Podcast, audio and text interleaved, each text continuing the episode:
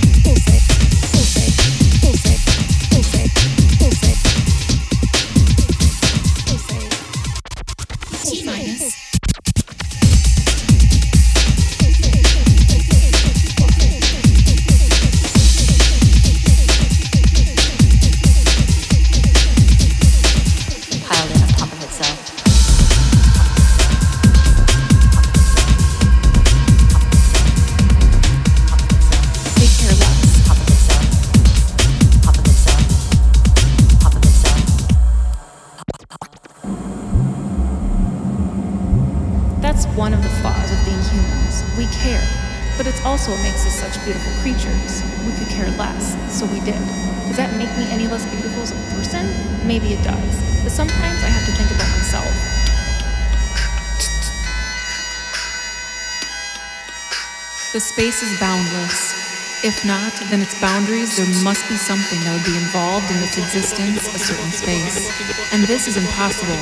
Infinity space precludes the existence of any boundaries, even assuming that there is more than one space, and thus assumes the presence of the boundaries between current and prospective space. But this is impossible. Just cannot exist any other entity other than space. Uh,